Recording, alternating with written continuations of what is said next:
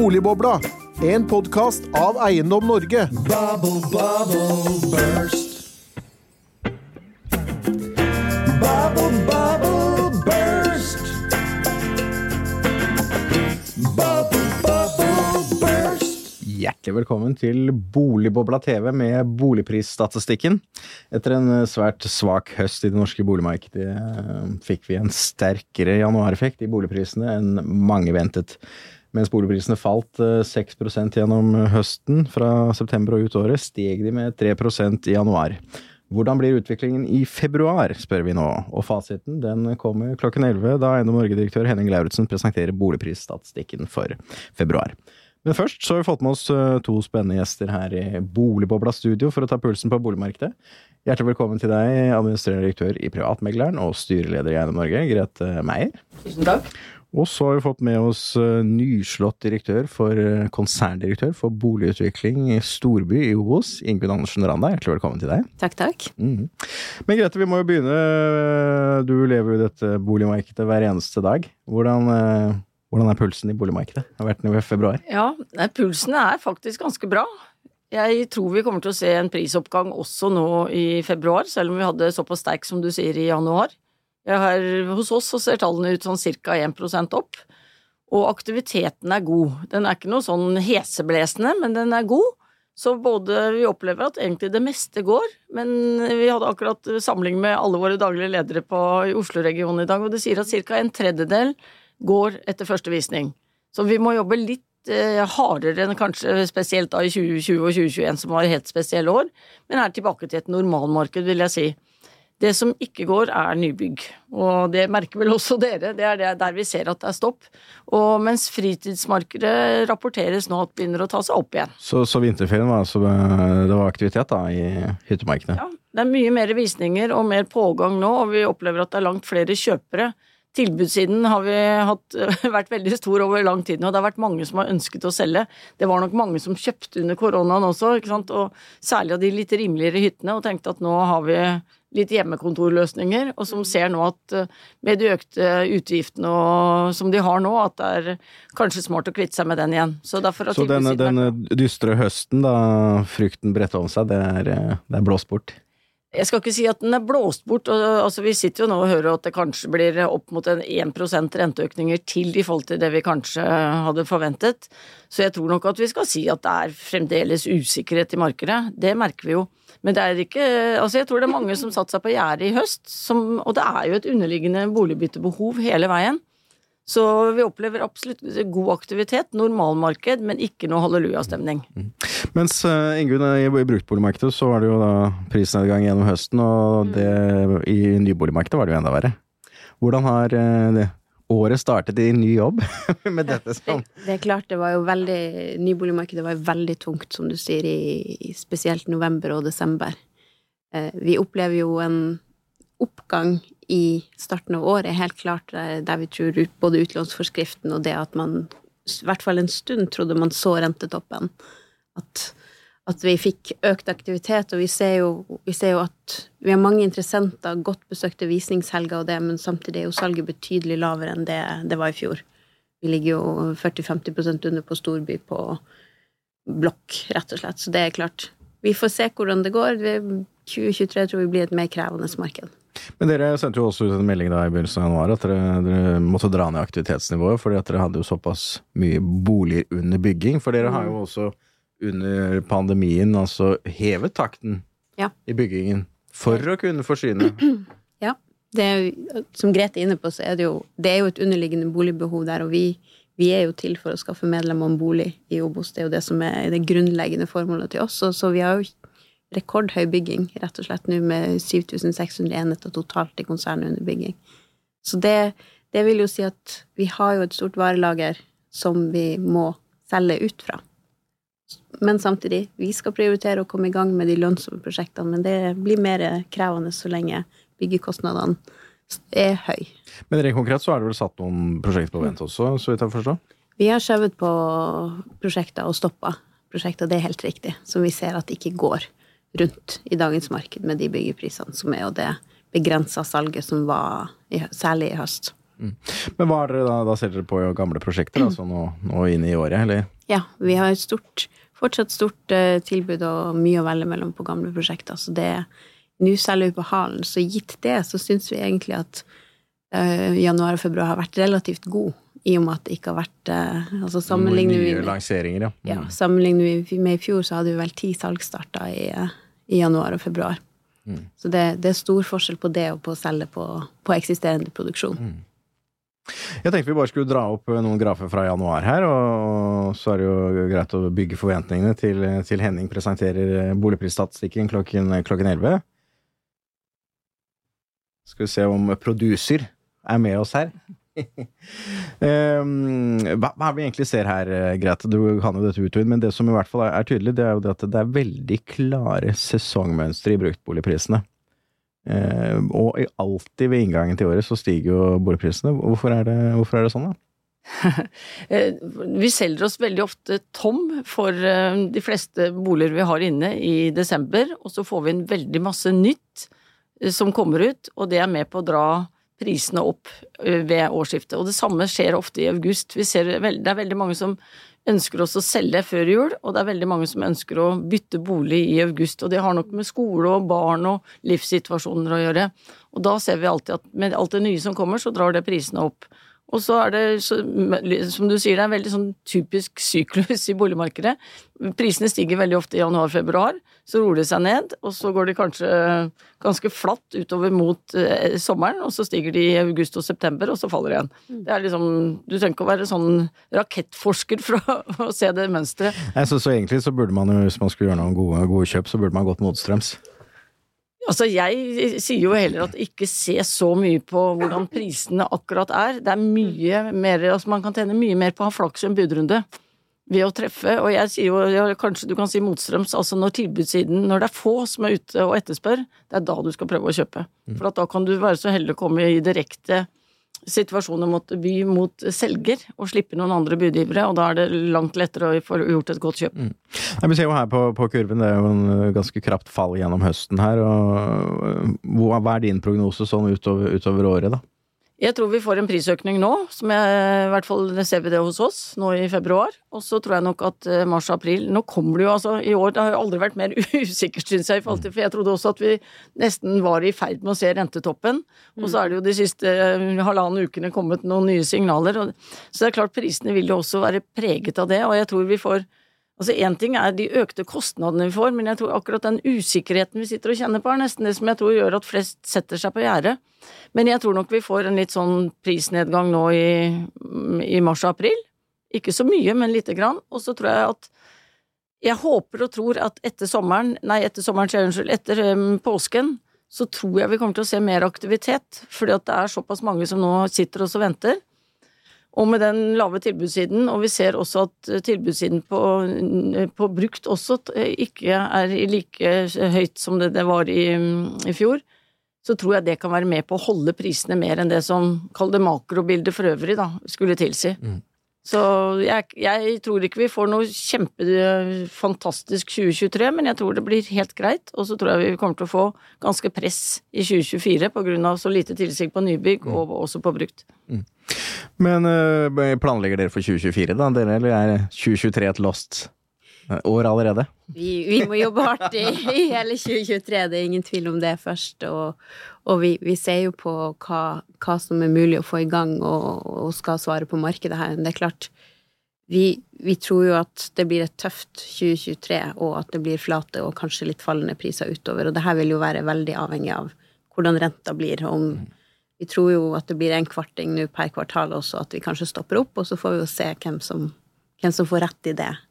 Men eh, at, at et oppdemma boligbehov som er der, og at det vil være mulig å selge boliger igjen i 2024, det tror vi absolutt. Men folk må føle en trygghet for egen økonomi. Det er jo det med høye strømkostnader, høye inflasjon, som gjør at hvor mye, hvor mye har du egentlig å rutte med? Det tror jeg gjør at mange som Grete er innom her setter seg på gjerdet.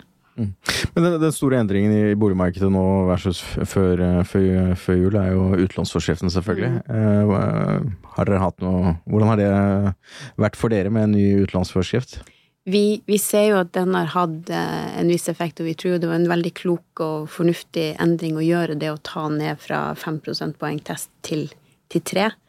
Eh, for, for det gjorde at det kom en del kjøpere tilbake i markedet som hadde fått veldig mye er, lavere. folk har kommet med friske finansieringsbehov, altså bevis. Mm. Ja, det har vi sett eh, en del av, og så tror vi at det blir en Det er kanskje det som gir den februareffekten. Altså vårspriser var jo opp eh, 2,1 i, i Oslo i eh, februar, og vi så også at forkjøpstallene plutselig spratt opp. Så, så det har gitt folk litt, eh, litt mer å rutte med der, og det også at strømstøtten ble forlenga og tydelig at den skulle vare lenge, tror vi gjorde at nå kom det mange ned fra gjerdet, men, men ikke mange nok til at vi tror at det her holder seg gjennom året. Fordi du, du ser på denne altså Forkjøp er jo da en av fordelene med å være medlem i Opo, Obos. Ja. Du ser på det som en slags temperaturmåler for, for hvordan markedet utvikler seg? vi følger jo mye med på den, ikke på nybolig, men på brukt. Fordi det dekker jo eh, I Oslo dekker det jo ca. 25 av, av markedet. Og, og når det er mange som, som velger å tre inn i et bud, så betyr det jo at det er budkamper ute og går. Og når den, eh, når den er veldig lav, så ser vi at da er det mest forhandla løsninger, og egentlig som du er innom, det er mulig for førstegangskjøpere å gjøre et godt kjøp, eksempel. Mm. Mens når den tikker opp på normalnivået høyere, så Så hva er normalnivået på forkjøp da i, i Obos? 20-25 bruk av forkjøp på de Og Obos-tilknytta. så var det nede i 5 da? Nei, det var, det var nede i På ukesbasis var det nok eh, ensifra i desember. Så det viser jo at det var mest Det var få omsetninger og mest forhandla løsninger, men vi var vel på en 17% om jeg husker riktig, i desember, og nå var vi oppe på 29 i februar. Oh ja, så Så det, det, er- det er gir liksom et eh, Vi ser det, det taktskiftet på, på de tallene, for da, klart, da, er det da er det interessant å trå inn i et bud igjen. Og det var det ikke i november-desember. Vi merker det samme vi også, at eh, det har nok lettet, og særlig på førstegangsetablerere og de som har lav til moderat inntekt, ser vi at nå har fått eh, høyere finansieringspris igjen og er mer inne i kampen igjen. Og, og investorene, da? Er det, er, det, er det noen av de som er tilbake òg, kanskje? Ja, og det merker vi ganske godt. Jeg hørte også med noen andre utbyggere nå at de sa at eh, det de hadde lagt ut nå var eh, 20-25 som er investorer tilbake. Og det tror jeg vi skal være veldig glad for, for skal vi få altså i gang prosjekter og få ting til å rulle, så er investorene viktige for oss. Det er jo liksom, Ofte så blir de sett på som litt sånn farlige. Blitt en pariakaste, stakkars. Ja, ja, ja. og det tror jeg vi må se helt motsatt. Vi trenger, trenger de til å holde Ja, markedet og de er jo viktige for å få oppnå salgsgradene. Da. I nye prosjekter så er det gjerne investorer som tar, tar en viss andel, er det ikke det? På- På, Absolutt. kontrakt. Ja, det er kjempeviktig. Kjempeviktig. Og ellers da, er det, er det utlånsforskriften, eh, finansieringsbevis, kjøpekraft, hva, hva Altså, jeg tror er det, er kanskje viktigere for volum enn for prisene, jeg vet ikke. Eh, Jeg tror kanskje også at det er mest volum, men så er det jo selvfølgelig alltid at eh, jo flere etterspør, eh, så vil jo det også påvirke prisene. Men jeg tror ikke vi skal si at utenlandsforskriften tror jeg ikke vil påvirke prisene i noen særlig grad. Det tror jeg ikke. Jeg tror det vil påvirke litt nå at vi opprettholder et normalmarked, om jeg heller kan si det. For hadde vi ikke fått det nå, så tror jeg vi hadde sett at det i, stedet hadde vært altfor få ute i markedet. Så jeg tror det var et veldig fornuftig grep nå, og jeg tror det var veldig bra for boligmarkedet. For det, det siste kvartalet i 2022, det, det var et labert år, eller labert kvartal i, i forhold til omsetning, det må vi jo si. Nei, Hvis du drar opp eh, tilbudssiden her, eh, på usolgte daglige tall på, på usolgte så- solgte boliger, som vi får opp her, så ser du jo ser du den røde kurven her gjennom høsten. Altså, det bygde seg jo Det var jo et betydelig skift. Yep. Altså, vi har vel ikke sett et så stort skift både på tilbudssiden og prisene siden 2016, eh, så vidt jeg kan huske. Nei da, det er det, men det vi ser en tendens til, altså vi merker det jo ofte før vi ser det nesten på tallene, selv om dette er ferske tall, men eh, jeg har en følelse av at det er fremdeles en del som sitter på gjerdet og nok venter litt til nå, og det sier også meglerne. Vi ser liksom at tilbudssiden er litt fallende, sånn eh, generelt nå. Og jeg tror at det skyldes nå litt den usikkerheten. Skal renten så mye opp igjen, eller hvor havner den? Og vil vente og se an litt, og se at har jeg kontroll på økonomien min til å tåle alle disse ulike utgiftene som øker, og hva blir lønnsoppgjøret mot dette? Det er en del sånne forhold. Så takk og pris at vi har så lav arbeidsledighet nå, midt i alt sammen. Det tror jeg er veldig bra. Ja, og uten, det jo, hvis boligmarkedet skal gå virkelig dårlig, så er det arbeidsledigheten som er, som er avgjørende. Den er veldig avgjørende, og så må jeg si bankene er jo Altså uten tilgang til finansiering, så dør jo boligmarkedet. Mm. Og jeg opplever at eh, bankene er eh, med og på ballen nå, at det ikke er noe stopp på noen måte. Og det er også veldig bra. Nei, Jeg tenkte vi bare skulle ta en kikk på, på, på nyboligsalget også, fordi det er jo, dette er jo boligprodusentenes eh, tall som vi får opp her, og det er jo dette er jo egentlig skrekktall, Ingunn. altså, når du ser denne grafen her, dette er jo da fra, fra desember 2010 til eh, desember 22 fra boligprodusentene, og, og eh, salgstakten her er jo nede på altså nesten nede på 18 000. Ja. Fra det er tolv måneders og det er 12 rullerende, måneder ikke sant. Sånn, Så se hvordan du har tenkt deg hva det er de siste månedene her. Nei, det, det har vært veldig tungt, og det, det merka aller først for, for Obos sin del, så merka vi det i Blokkvatn, altså småhusdelen, tett Mm. lav, som vi snakker om. Men det var Den- der også byggekostnadene først begynte å det er kortere, inn. Mm. Det er ikke totalentrepriser, så det går mye raskere Ja. gjennom. Så der slo byggekostnadene tidligere inn, Mm. og det markedet var jo tregt lenge før vi merka at uh, betongen, som vi, også at kanskje i storbymarkedet med totalentrepriser, det holdt seg mye lenger. For oss holdt det seg godt over sommeren. Mm. Og det er fordi at det er da lengre kontrakter antagelig også. Ja. Mm. Der bygger du på en totalentreprisekontrakt, så bygger du ofte i la oss si to, to, to og et halvt Mm. år. Så, og det markedet fungerte, fungerte godt, godt over sommeren. Og så kom eh, dobbelthevingene og strømkrisa og alt, og da ble folk usikre og satte seg på gjerdet. Og, og for nybolig så er det jo litt spesielt, for da, da skal du jo ta risiko på hva får du De aller fleste bor jo i en bolig i dag, hva får du solgt den til? Og det ble folk usikre på når boligprisene begynte å selge. Mm. Og klart, Da setter du deg på gjerdet. Vi hadde god inngang både av interessenter og folk som ville på visning. Men den tryggheten for egen økonomi, det var det veldig mange som ikke hadde, og så kom finansieringsbevisene lavere inn. Mm. Så det bidro jo til eh, Det føltes ut som et 80% fall i, i november-desember og var veldig tungt. Men kunder var ikke borte. Altså det underliggende behovet, det, det er der, men, men det kommer helt an på når folk får trygghet for egen økonomi og tør å, tør å kjøpe. Det var derfor også vi kom inn med boligbytte, for å kunne bidra til å skape trygghet for dem som ønsker det. Mm. Nei, for Hvis du ser på behovene, da, jeg ser, jeg synes dette er jo en talende graf. Eh, Her er jo boligbehovet eh, på, målt mot da SSBs eh, mediumalternativ, da, det som er den oransje kurven her, mot, mot da salgstakten, som er den røde.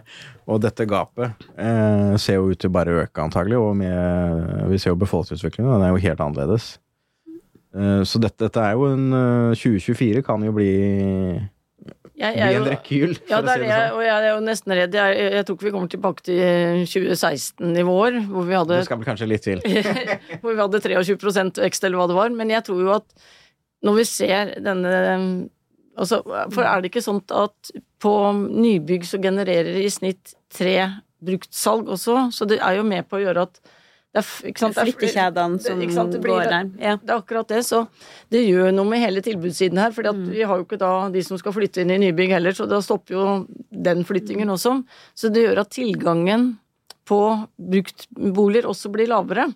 Og jeg, det er derfor jeg er så redd for at både når vi ikke får nybygg inn, og vi får lite brukt, og det er tilflytting, og det er nå mange som har utsatt uh, sin egen flytting, Ja. så tror jeg at etterspørselen etter hvert kommer til å bli veldig høy, og tilbudssiden lav, og prisene presses mye. Ja, for det er jo når du ser på leieprisene, så vi har jo leieprisindeksen, det er jo den sterkeste veksten vi noensinne har, har altså notert i, i leieprisene.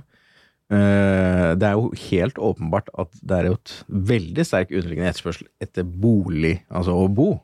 Uten tvil.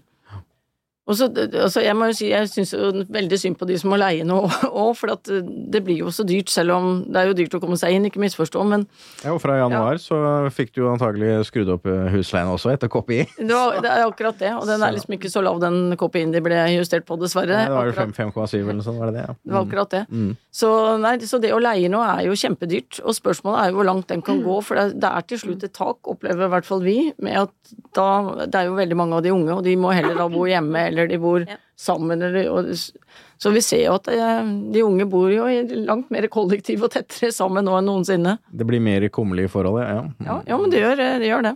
Mm. Så Ja. Men, men det, det som er viktig, i hvert fall på de store leilighetsprosjektene, det er jo at vi har jo fortsatt veldig mange ferdigstillelser både i 2023 og 2024. Mm. Så den effekten som Grete snakker om, den vil jo bli enda sterkere i 2025. ja. For det er jo lav igangsetting høsten 2022 og nå i, i mye av 2023. Så det, Det Så du ser for deg at det er allerede inn mot sommeren så er det en del overleveringer, altså? Vi overleverer og ferdigstiller mye i, i inneværende år. Mm. For det er jo ting som er igangsatt for to, to og et halvt Mm. år siden. Så den, den dynamikken der kommer til å være her en stund. Ja, Jeg er helt enig at jeg tror i 2023 så er den enda, men i hvert fall i våre prosjekter så ser vi at det er ganske vi har god ferdigstillelse også i 2024, men Ja, det er det er klart vi har store prosjekter. Ja. Eh, Men det er 2025. Altså, så vi, vi er usikre på om den rekylen Den tror vi kanskje ikke kommer i starten av 2024 ennå. Så du ser enda lenger fremover i, i tid? Eh. Får, får vi ikke starta nå, så blir det få boliger ute i markedet i 2025. 2026 er vi jo snart på planleggingshorisonten for i de store prosjektene. Mm. Så det, det her kommer vi til å dra med oss lenge. Mm. Ja, Så og går det selvfølgelig- Jeg er helt enig at det kommer da. Jeg, men jeg, ja. Ja. Og hvis det er godt tilsig av nye i 2024 også, så får vi inderlig håpe det, for jeg tror vi kommer til å se Ja, småhusmarkedet starter jo raskere igjen, Mm. selvfølgelig. Ja. Eh, Men de store leilighetsprosjektene, det er jo Det tar jo 24 måneder, i hvert fall. Så, Mm. så der, der bygger vi opp et problem lenger frem i tiden. Men, eh, men det, dere varslet jo her i januar at da var det 2500 boliger under bygging. Altså når er dere liksom eh, Tror du kommer til et punkt at dere kan begynne å bygge igjen? For dere har jo bygget da mer Dere har jo strukket egenkapitalen så langt Ja. dere har kunnet, og kanskje Det- lenger enn dere det er klart vi- kanskje kunne til også? Vi ønska jo å fortsette å bygge gjennom pandemien. Da, da satt vi også så på et fall, salg som Mm. falt veldig raskt. Og så kom, ble jo det markedet annerledes enn de aller fleste trodde, i og med at du nesten skrudde på en bryter på sommeren der, og så gikk du fra å selge 90% mindre til, Mm. til å ikke ha en så god sommer noensinne. Så, så da satt, igangsatte vi jo mye på, på lavt forhåndssalg, som jo nå begynner å nærme seg ferdigstillelse. Og det er klart, vi må jo, eh, vi må jo se nå at vi både har får rull på kapital, men ikke minst at det at vi klarer å regne prosjektene hjem. Fordi at med de byggekostnadene som er, og inflasjonen som er, så slår jo dem også inn i prosjektene. Mm. Med en flat pris der, så, så spises jo eh, marginen opp, og det er tungt å sette i gang noe som du ikke kan regne hjem, og det vil jo heller ikke banken gi lån til. Nei, Vi hadde jo her i forrige episode av Boligbobla-podkasten en utbygger som mente at eh, det var, eh, det var ikke underliggende prisstigning som gjorde at eh, entreprenørene satte satt på kostnader, det var fordi de kunne. Det er vel et eller annet tidspunkt at man må, det må nå komme en ny eh, likevekt her mellom eh, Vi, vi tror jo den, den må komme, og har jo vært tydelig på at vi ser at bolig, altså byggekostnaden må, må ned for at eh, vi skal få igangsatt mye mer. Hvis du ser på hva f.eks. oljebransjen var gjennom eh, da prisen gikk ned i oljebremsen. Det var jo så- utrolig hvor, hvor, lang, hvor mye kostnader de faktisk kunne kutte. Ja. Ja, og, og noe av den dynamikken må vi jo klare å, å få til her også. Kan vi være kreative? Kan vi gjøre ting på noen andre måter? Har vi, har vi lagt på oss noen måter å gjøre ting på som vi kan endre på nå? Altså, det her må vi jo snu steiner i lag som bransje for å klare å komme i gang. Men hvordan, hvordan jobber dere med, med dette nå, da? Er det Eh, mye kna-prosjekter for å se hva vi kan få. Er det ting vi kan endre på for å få ut flere kvadratmeter? Er det, er det forenklinger vi kan gjøre i struktur eller i antall oppganger, eller hva det måtte være, som gjør at vi bygger på en mer kostnadseffektiv måte? Mm. Vi ønsker jo å komme i gang. Det er klart vi har et stort driv for å bygge boliger, men, men når du ikke får regna og får kalkylen til å gå opp, så er det jo ikke finansierbart. og og så lenge markedet heller ikke er der til å ta imot, så er det krevende å legge ut nye prosjekter. Mm. Nei, eh, nå begynner vi å nærme oss eh, pressekonferansen der nede også. Så tikker jeg ned her. eh, Syv minutter til eh, pressekonferanse. Du skal etter hvert få lov til å gå, gå ned også. Men eh, jeg var jo inne på februar her, tallene, og eh, tenkte jeg bare skulle dra opp hvordan februar normalt har sett ut. Eh, Og det er jo som du var inne på, Grete, dette, dette er jo en uh, normal, sterk måned. Uh, 1 sa du.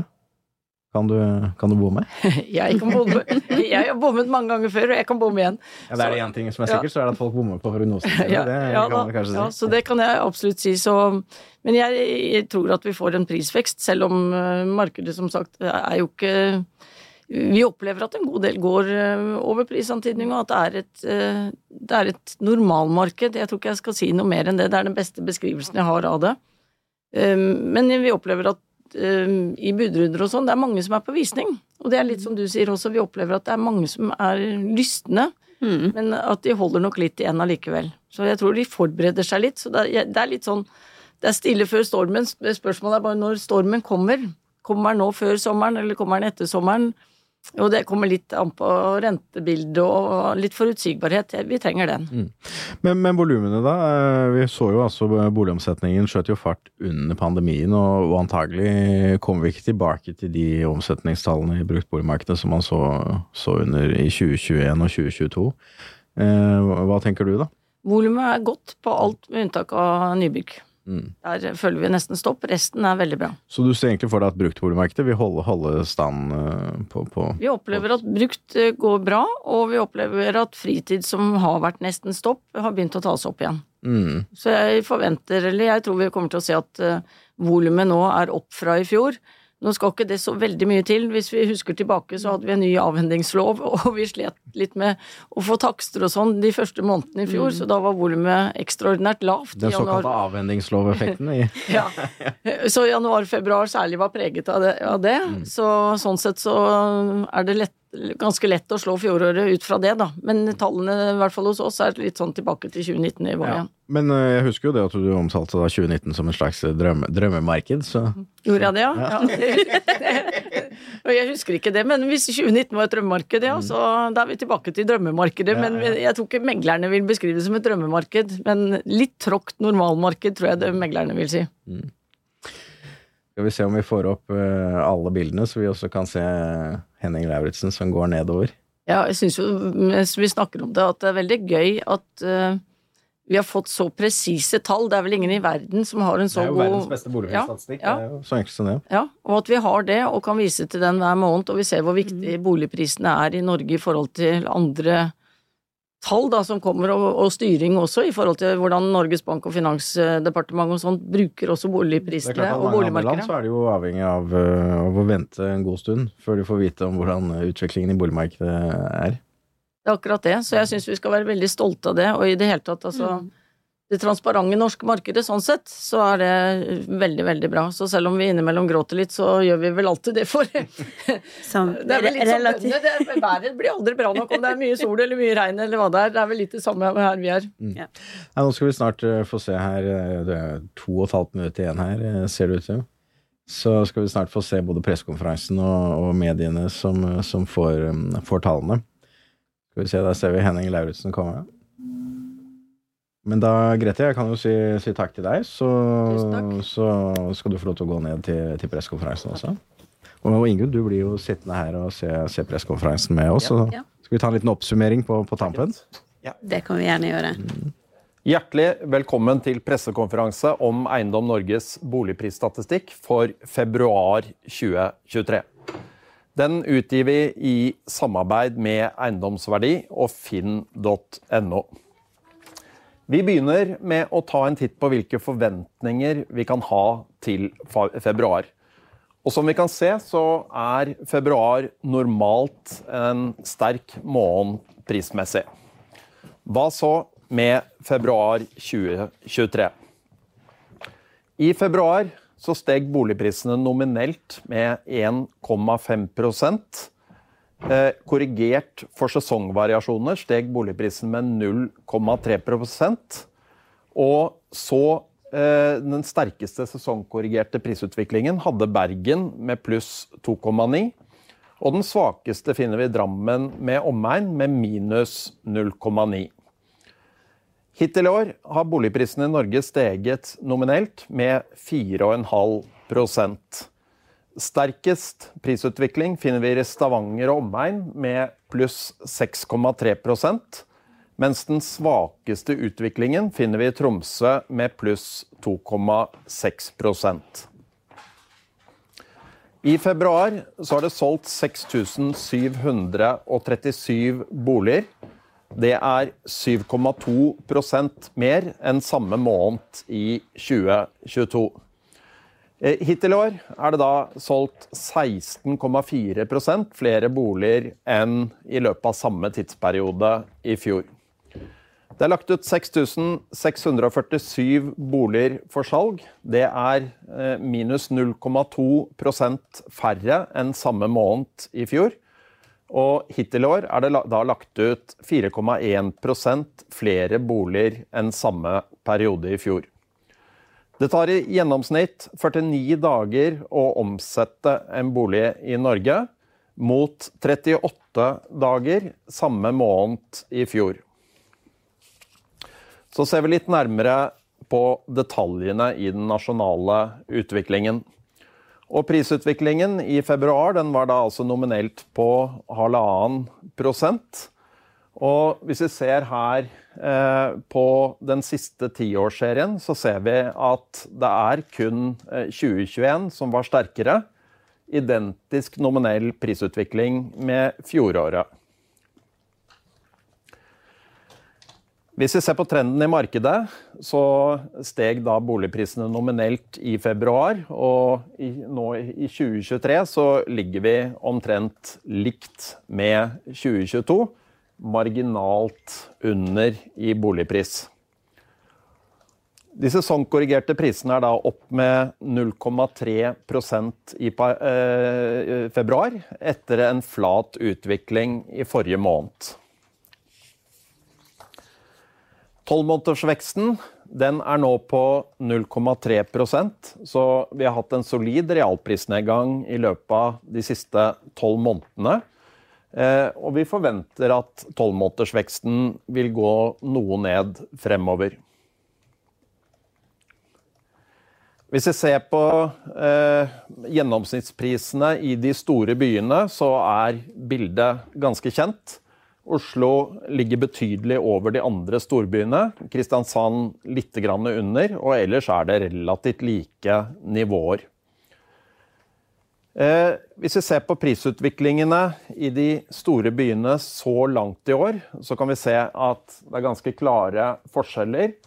Sterk prisutvikling i storbyene, eh, med unntak av Trondheim og Tromsø, som begge ligger noe under det nasjonale gjennomsnittet. Omsetningstiden, eh, 49 dager, den er jo interessant å sammenligne med eh, andre år.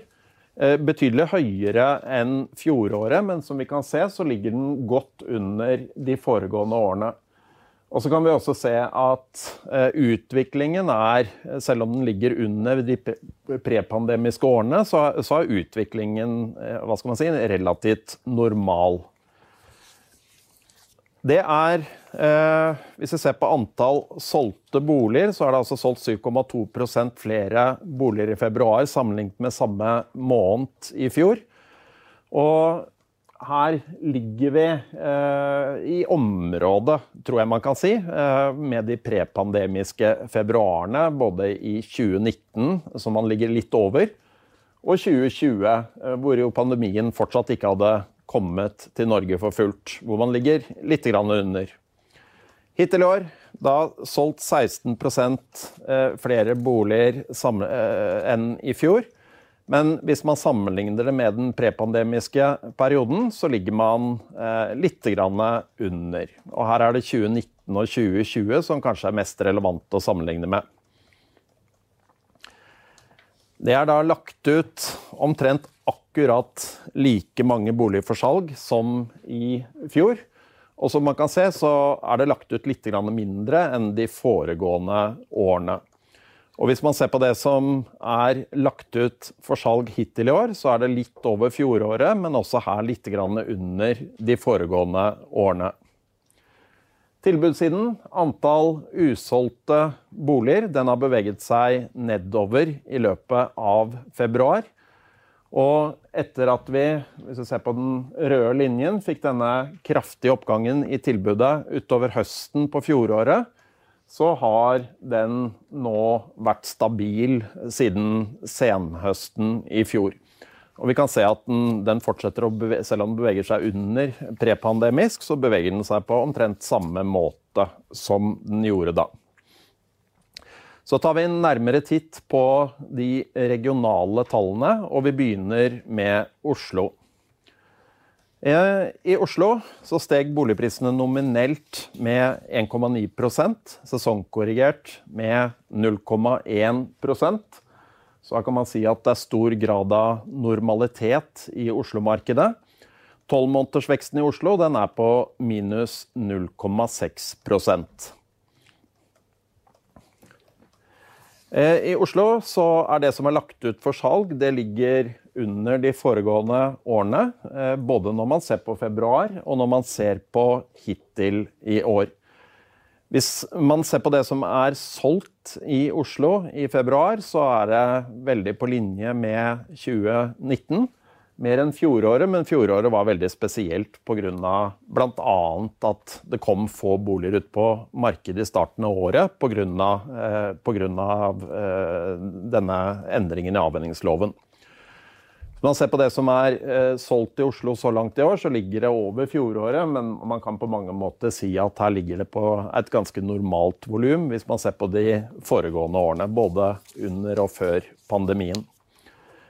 Tilbudssiden i Oslo den beveget seg jo veldig kraftig oppover en periode på høsten. Eh, den har også stabilisert seg og ligger nå omtrent på nivå med 2019.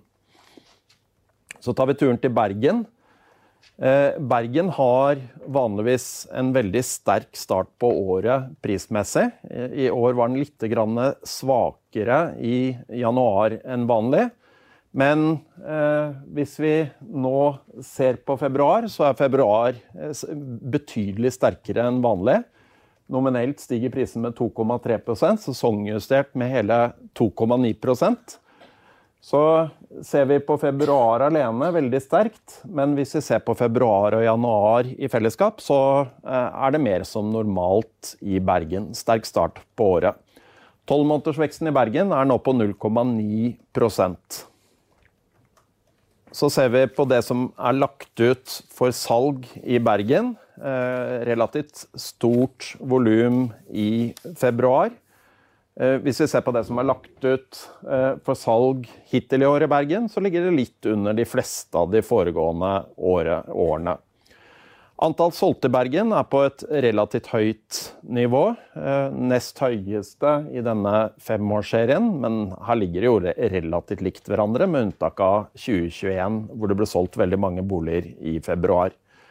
Eh, hvis vi ser på det som er eh, solgt hittil i år i Bergen, så ligger det også på et sånn relativt likt med de foregående årene. Det er vel den nest høyeste av disse søylene i femårsserien. Tilbudssiden i Bergen, også her har det vært en nedgang i tilbudet i februar. Og som vi kan se på en del av de andre årene, så, så er det normalen, egentlig. Eh, tilbudet i Bergen det klatret også kraftig på høsten, men har også eh, stabilisert seg her mellom pandemien og de prepandemiske årene. For Trondheims vedkommende så er det sånn at eh, det er stor grad av normalitet i februar. Boligprisene i Trondheim steg med 1,9 eh, er i det området det ofte er. Sesongkorrigert så steg prisene litt, med 0,4% Tolvmånedersveksten i Trondheim er nå på minus 1,2 i Trondheim så har det lagt ut ganske mange boliger for salg i eh, februar, sånn litt i overkant av normalområdet. Og det samme gjelder hittil i år. Eh, det er solgt mange boliger i Trondheim i februar. Det er litt over de foregående årene. Men hvis vi ser på det som er solgt i Trondheim hittil i år, så er det eh, ja, sånn ganske sånn midt på treet for de siste årene. Tilbudssiden i Trondheim den har også beveget seg litt nedover i februar. Og også her så ligger man med tilbud som ligger eh, litt mellom pandemi og de prepandemiske årene. Så også her kan vi si at etter den ikke så sterke klatringen man fikk i Trondheim, så, så, har tilbudet også stabilisert seg i Trondheim nå. Så er det Stavanger. Eh, og i Stavanger så har boligmarkedet vært veldig sterkt. Eh, det er sterkt i februar også. Boligprisene stiger med 1,1 eh, og sesongkorrigert stiger det med 0,7 Tolvmånedersveksten i Stavanger den er på 4,4% og det er jo da betydelig over det nasjonale gjennomsnittet, som, hvor man har en svak nedgang. Eh, I Stavanger så er det lagt ut eh, få boliger for salg i februar. sammenlignet med de foregående årene. Og det samme gjelder for så vidt hittil i år. Litt, litt mer enn fjoråret, men på et relativt lavt nivå. Det samme bildet det ser man egentlig hvis man ser på det som er solgt hittil i år i Stavanger. Et relativt lavt nivå. Eh, Både februar og hittil i år. Og noe av forklaringen kan man kanskje finne i eh, at Stavanger som den eneste av storbyene fortsatt har et veldig lavt tilbud. Her eh, er tilbudet fortsatt på pandemiske nivåer. Så det er kanskje ikke så mye å velge mellom for de som skal kjøpe bolig i Stavanger. Så skal vi over til siste by, som er Tromsø. I Tromsø så er det sånn at boligprisene de steg med 1,5% i eh, februar. Sesongkorrigert så steg prisene med 0,1% Og tolvmånedersveksten i Tromsø den er ned 2,1 Eh, relativt få boliger lagt ut for salg i februar i Tromsø. Og relativt få boliger lagt ut for salg i Tromsø hittil i år.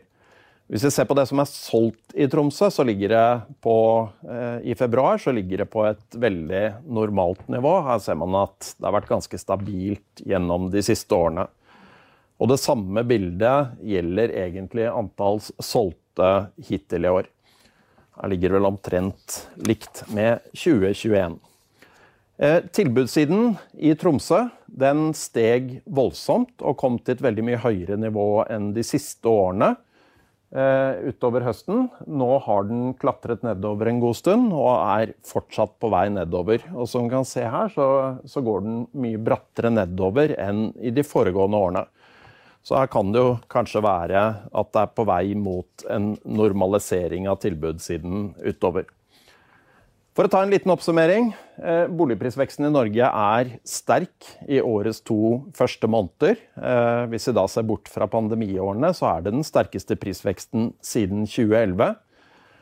Eh, det er grunn til å tro at markedet hadde sett annerledes ut uten lettelsene i utlånsforskriften fra nyttår. De førte for det første til at en del av de som ikke fikk lån i høst, plutselig fikk lån igjen.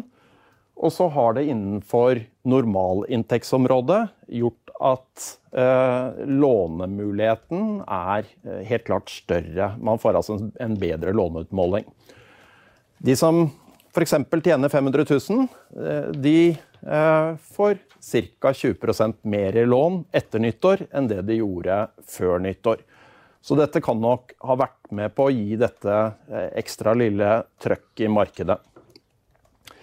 Boligprisveksten den er klart sterkere enn det vi så for oss i vår prognose fra desember. Og hvis vi skal se litt fremover, så regner vi nok med at markedet kommer til å bli en del svakere. Eh, både med en forventet renteøkning i mars. Vi tror nok at det kommer en til før sommeren også. Og det vil bidra til å gjøre markedet noe svakere, selv om det er mange andre krefter som, som for tiden trekker i annen retning. Da må jeg få takke for fremmøtet, og så er vi tilbake om en måned med boligprisene for mars. Takk. Ja, Ingunn, dette var litt sterkere enn det mange kanskje ventet. Hva, hva tenker du når du har fått fasiten her eh, for tenker, februar? Jeg tenker det var litt overraskende at det var såpass sterkt. Samtidig følte jeg jo at vi fikk et hint da, da Obos-prisene kom med, med 2,1 opp i Oslo og 29 bruk av forkjøpsrett. Da ble vi trygge på at det, den lettelsen som vi føler vi har sett, begynte å komme i tallene, og det viser jo det her. Så overraskende sterk utvikling, og så er det jo spennende å se hvordan det blir fremover, som vi er veldig usikre på. Nei, for I vår prognose så, så, er jo dette det er jo nesten det dobbelte av hva vi, vi trodde i, i desember. Eh, og totalt eh, så langt i år så snakker vi vel om ca. 4 4,5% opp over landene. Eh, men under pandemiårene så, så var jo det veldig sterkt. Eh, mm. Så sett i lys av, hvis du ser bort fra pandemiene, så er jo dette en betydelig sterkere start Absolutt. året enn det kanskje mange så for seg. Vi hadde ikke trodd at det skulle være så sterkt i februar før vi så egne tall. Det er jeg helt enig i. Og det, det, viser jo at, at den der Det har nok vært et oppdemma behov fra, fra markedet var veldig tregt. Altså, det var jo stor usikkerhet i høst, I så det kan komme, komme nå, ja. Ja. Mm. Så jeg tror det kommer noe fra det. Og så tror jeg at, eh, at utlånsforskriften også har hatt noe å si her på at en del har hoppa ned fra gjerdet, for nå nå har de finansieringsbevis som holder til det de vil ha. Mm. For det er klart, behovet for å bytte i, i bruktmarkedet, det er jo der. Eh, Det følger jo mer med livene til folk også enn ja, Det er noe med det at eh, boligmarkedet styres eh, mer av reelle behov som regel, og det ser man jo også med, med konjunkturtakten gjennom året. Men eh, du nevnte jo her på før, før tallene kom at, eh, at det var usikkerhet knyttet til hva man får i bruktboligmarkedet, som, som avgjør hva dere i nyboligmarkedet kan, kan få til. Men eh, med disse tallene så bør vel kanskje de være mer trygge på hva de kan få? Ja, det, det kan godt hende at vi, vi merker at kundene blir litt, litt tryggere av det her. Samtidig så, så ser vi jo det at uh, en økende rente har, har gjort folk usikre. Så, så jeg jo enig med Henning Lauritzen her som sier at vi, vi tror det blir usikkert og kanskje litt volatilt fremover, fordi det kommer en renteøkning i, i mars, etter all Det er vel ganske sikkert at det blir en renteøkning i mars med disse tallene. Det, det vil jeg også tro. Det, den kan vi vel nesten sette to streker under svaret på. Dårlig, dårlig, dårlig odds for å tippe mot det, kanskje. Ja, det tror jeg også. Så, og så er det jo da, ser vi vi, vi tror jo at det at du hadde begynt å se rentetoppen, gjorde at vi begynte å få veldig mye interessenter igjen, og, og faktisk bedre besøk på visningshelga i år enn i fjor. Mm. Um, og tror man nå at det også blir renteøkning i juni og videre, så kan det godt sette bremsene litt mer på igjen. For det handler jo til slutt om hva folk har råd til. Mm. Men samtidig så går det jo altså veldig godt eh, Det går betydelig bedre i norsk økonomi enn det man, man trodde før jul. Altså, det var jo positive BNP-tall her. og eh, Dere holder på over hele landet. I Stavanger, oljehovedstaden, så er jo optimismen virkelig tilbake. Ja. ja, Stavanger og Vestland er jo et marked som vi har, har tro på for i år, og hvor vi også får se om vi kommer i gang med ting. Det, det får vi jo se etter hvert. eh, Ja, vi så jo også her at tilbudssiden i bruktboligmarkedet har jo gått mye mer ned i Stavanger og den regionen enn det har er i øvrige deler av med den prisutviklinga som Stavanger har hatt eh, over mange år Det er jo flatt dem, eh, nullutvikling i boligprisen over ti år, Ja. nesten. Så er det jo et potensial der. Og med, med vekst i jobbene og vekst i oljebransjen, så vil det markedet kunne bli godt fremover. Det tror vi også. Men dere har noen prosjekter der også i Pivelinden? Der, eh, der skal vi i gang på etter hvert nå når vi, når vi kommer oss gjennom både entreprise og, og reguleringssida på eh, Hinna park ute på Jåttåvågen, som blir kjempeflott sammen med partnere der. Der, eh, det blir et stort prosjekt vi skal bygge mye på fremover, og det ligger helt utover fjorden. Så det mange, mange interessenter på lista, mange, flere hundre uten at vi egentlig er i gang. Mm. Men dere har jo også, for å redusere usikkerheten, så har dere jo introdusert eh, en gammel slager i nyboligmarkedet. Det er Bytte, bytte innbytteordning. Ja, den, hva, hva, eh, den hva er det for noe? Vi hadde, vi hadde, lagt vi hadde akkurat lagt den ned etter forrige, forrige krise. akkurat, akkurat lagt den i skuffen etter forrige krise. det er jo et legg på den, ikke sant? for du, Ja, ja. du tar jo et innbytte to år før bordet omsettes. Så jeg tror vi rakk å selge det siste fra, fra pandemiusikkerheten før vi, før vi måtte åpne den igjen. Ok, for dere tok opp den igjen altså, i, Vi tok i den opp pandemien igjen den våren, våren 2000? eh, ja. når folk Mm. ble usikre da. Eh, så vi merka rundt 400 boliger nå med, med boligbytte, som gjør at vi da går inn og tar risikoen for hva du får for din gamle bolig. Mm, -hmm. Eh, det vil Altså da kjø, kjøper dere boligen fra ja, vi, vi setter en pris på boligen og kjøper den fra kunden når de skal bytte. Ja. Så, så det som skjer da, er jo at de får en trygghet for hva de får for boligen sin, og kan gå til banken med det og få, ja, og få sånn finansieringsbevis til å kjøpe Ja. ny. Mm. og det er klart, når bankmarkedet også stopper, eller litt sånn som vi merka at det var mer bremsene på i, i høst, så er Mm. det viktig å vise at du ikke, du ikke sitter på den usikkerheten med mellomfinansiering. Mm. Og så taper vi jo noen gang på det og vinner på det, men det kommer jo an på hvordan, eh, hvordan det er. Kunden får en markedsverdi hos oss. Det blir ikke sittende med de sånn traumade i utleiemarkedet, eller så det er på en måte Vi, turnover? vi selger dem ut igjen. Ja, og dere går fort når den, når, den når, tatt over, når kunden tar over nyboligen, så selger vi dem ut. Så, Mm. så det er klart, vi prioriterer jo da balansebruk på det en, en periode. Så det er jo et, mer et verktøy for å Mm. bidra til å skape trygghet hos kunden. Um, og som gjør at mange blir interessert. Eh, og så er det noen som velger å bruke ordninga. Hvor, hvor mange er det som typisk har brukt den ordninga? ordningen? sist var det vel et titalls eh, oh ja, så det, så det, det, det var ved sist altså på koronaperioden, ja. Mm. Så det Men det er jo den utryggheten med hva får du for den boligen du eier i dag, som, eh, som gjør at mange ikke velger å kjøpe nybolig i, i tider hvor det er større usikkerhet. Så det, men enda mer populært nå er jo boligkjøpsmodellene. Det, så. ja, og det var jo en naturlig overgang til det. For da, da dere lanserte det deleie-konseptet, var vel i, i 2019. Det var vel på det første trinnet på, på Ulven, om jeg ikke husker Da var det. Bostart. Bostart var det da. da. kom den. Den kom først, og så kom vel første piloten på deleie i april 2020, om jeg husker riktig. Mm. Så Men det som var forbløffende med, med første eh, trinnet på, på Bostart, det var jo at altså, alt ble jo solgt omtrent Ja. umiddelbart. Eh, og det illustrerer jo det at altså Det er antagelig mange eh, kjøpere, eller potensielle boligkjøpere, som ligger akkurat på mar- marginen. mm. det, det som både Bostart og Dele gjør, er at det senker jo terskelen for å komme inn i boligmarkedet, eller for å få kjøpt den boligen som du faktisk vil ha. Mm. Og det, det ser vi jo at virker. Nå siden, som du sier, siden vi kom i gang første gangen på Ulvenparken, så har vi jo tilbudt over 2000 boliger med, med Bostart og del er jo solgt det er det vel 1100 nå. Så det, det her er et produkt som, som eh, kundene og medlemmene våre setter stor pris på. og Vi, vi ser jo også at vi har blitt kopiert, og det syns vi jo er kjempeartig. Ja, det beste komplimentet man kan få, er jo noen som stjeler ideene. Så nå nå er det jo deleie både, både noen i Trondheim som hadde det, og JM har kommet med sine, og Oslo kommune med Oslo Bolig. Så det at, det at den eh, blir mer vanlig og en bedre standard i boligmarkedet, det, det heier vi på. Så ja. Men altså, Bostart det er jo da en sånn eh, gjenkjøpsavtale, er det ikke det? Ja. Eh, Med en rabattert pris. du, da kjøper du bolig til en lavere pris, og så har vi rett til å kjøpe den tilbake til, eh, til den rabatterte prisen pluss indeks. Så du får jo da ikke solgt den i det åpne markedet, du må selge den tilbake. Så du kan si dem som etterlyser det gamle fastprisregimet, så har du jo egentlig muligheten til det. Fastprisregime mot, mot, Mot, mot med indeks. da. Ja. ja. Og, og deleie, da, der er det sånn prosentandel Der kjøper du en leier, andel, ja. minimum 50% av boligen, og det velger kunden sjøl. Altså, vi er veldig opptatt av at det skal være valgfrihet her, sånn at det er ikke sånn at du bare får kjøpt den som deler. De fleste boligene våre kan du velge mellom tre forskjellige produkter på. Både Mhm. vanlige vilkår, som, er- som det vi er vant til, og bostarte og deleie. Så velger du deleie, så kjøper du I snitt kjøper kunden 55% De aller fleste kjøper 50 men vi har også dem som kjøper 80 av boligen.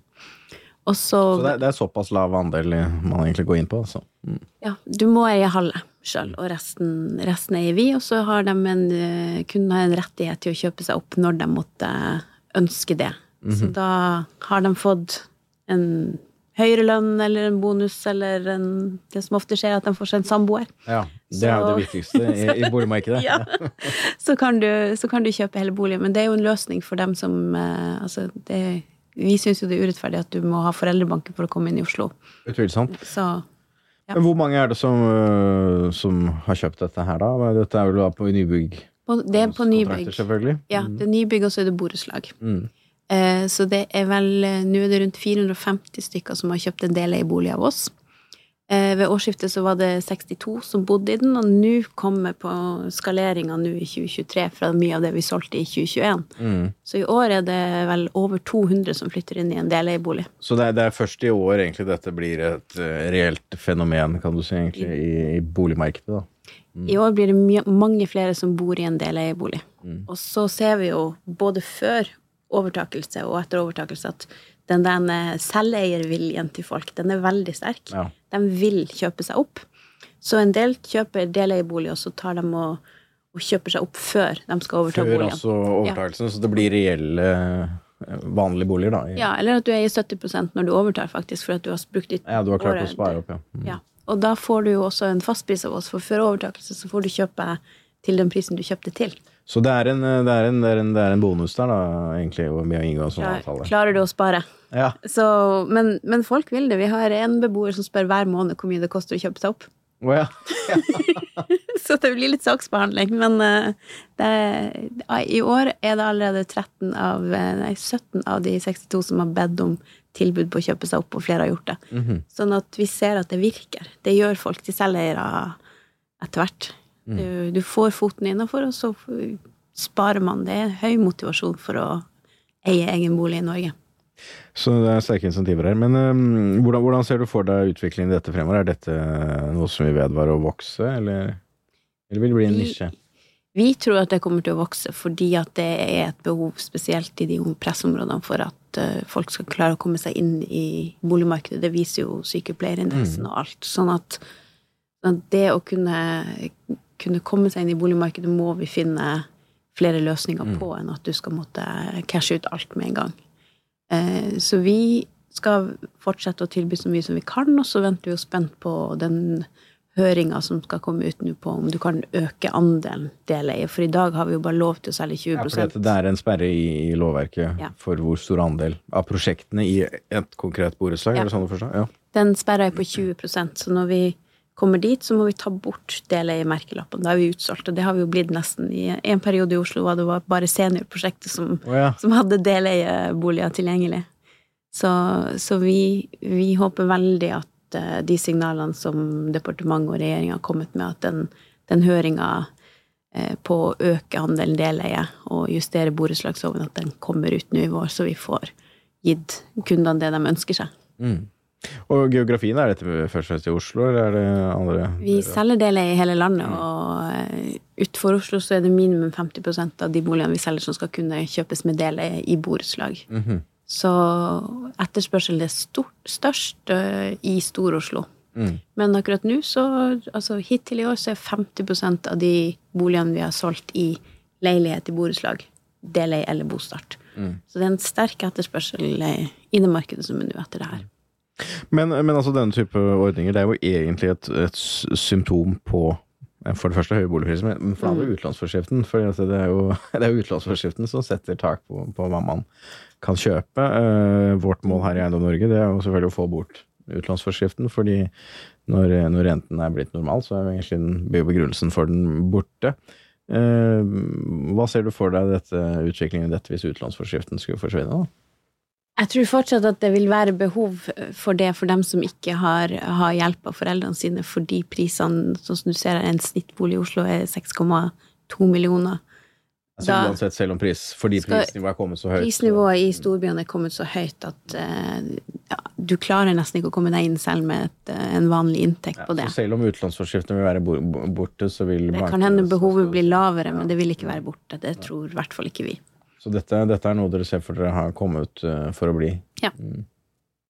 Nei, det er spennende. Jeg ser nå tikker tiden. Dette var jo hjertelig takk til deg, Ingunn eh, Andersen Randa. Takk for at jeg fikk komme. Som første gjest i Boligbobla TV. Vi er tilbake neste måned med ferske gjester fra boligmarkedet og boligprisstatistikken. Takk for denne gang. Boligbobla, en podkast av Eiendom Norge. Bubble, bubble, burst. bubble, bubble burst. Bubble, bubble burst.